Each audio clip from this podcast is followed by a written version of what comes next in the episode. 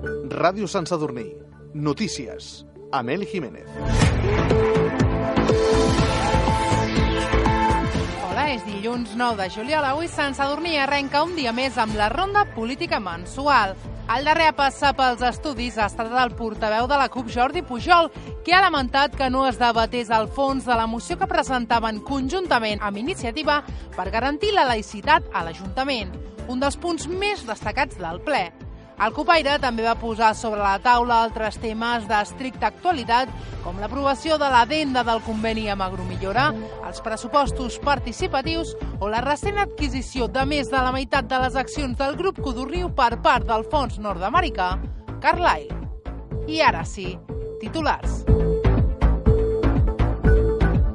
El portaveu de la CUP a Sant Sadurní, Jordi Pujol, lamenta que no es debatés el fons de la moció que presentaven amb iniciativa per garantir la laïcitat a l'Ajuntament. El govern comença a acordar amb el territori el nou planejament del Logis Penedès. Font-rubí vol rehabilitar un edifici per crear habitatges per a gent gran amb renda baixa i problemes de mobilitat.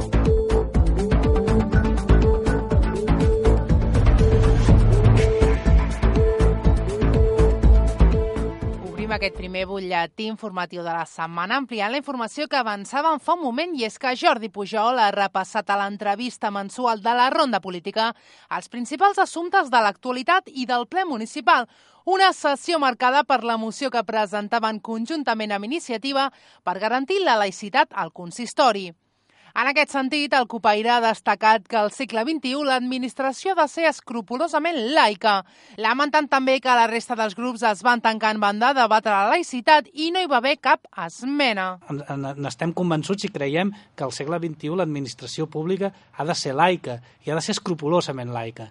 I, i, i, i, en, i en aquest sentit nosaltres estem disposats a debatre-ho amb qui sigui, no? però ell, tant Esquerra com el PSC, per justificar la seva postura que en cap cas des d'una des d'una òptica d'esquerres és justificable, doncs el que van fer és dir mentides. No? La CUP, en cap cas, s'ha dedicat ni ha volgut fer un atac ni a l'Església Catòlica ni, ni al mossèn Carles en particular, ni als catòlics de Sant Sadurní, i això és, és, és directament una mentida i és un intent de, de, de fer demagògia i de posar la gent en contra de la CUP. Preguntat per un altre dels temes destacats del ple, l'aprovació de l'adenda del conveni signat entre l'Ajuntament i Agromillora, Pujol ha estat molt crític. Finalment, el Copaire també ha parlat d'altres qüestions d'actualitat, com la compra de la majoria de les accions del grup Codorniu per part del Fons Nord-Americà Carlyle o els pressupostos participatius. Passem ara a la informació general.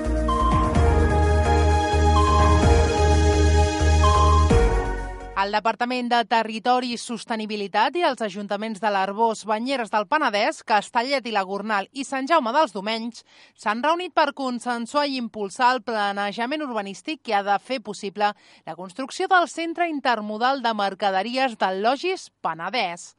Aquest divendres s'ha constituït la comissió executiva del Pla Director Urbanístic, òrgan per analitzar els diferents instruments que permetran desenvolupar el nou pol logístic i de serveis. El Logis Penedès combinarà zones d'activitat econòmica i logística amb serveis, indústries netes i formació. Inclourà també una terminal intermodal de mercaderies connectada en un futur al corredor ferroviari mediterrani, un nou accés a l'AP7 i un vial de connexió entre l'autopista i l'A7. Igualment, ampliarà els serveis oberts protegits, inclourà les mesures correctores de l'impacte paisatgístic necessàries i el seu disseny funcional serà ecoeficients, segons s'indica des del govern.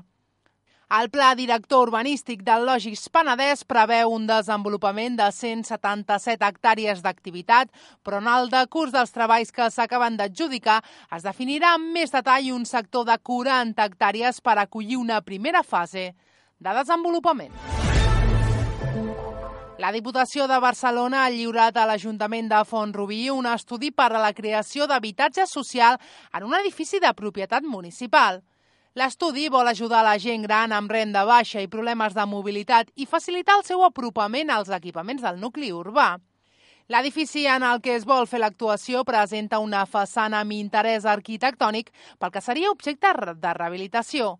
El treball proposa dues alternatives. Una primera manté els quatre habitatges existents de 62 metres quadrats i una altra que aborda una gran rehabilitació que permetria edificar una planta més i arribar fins a 8 habitatges de 42 metres quadrats.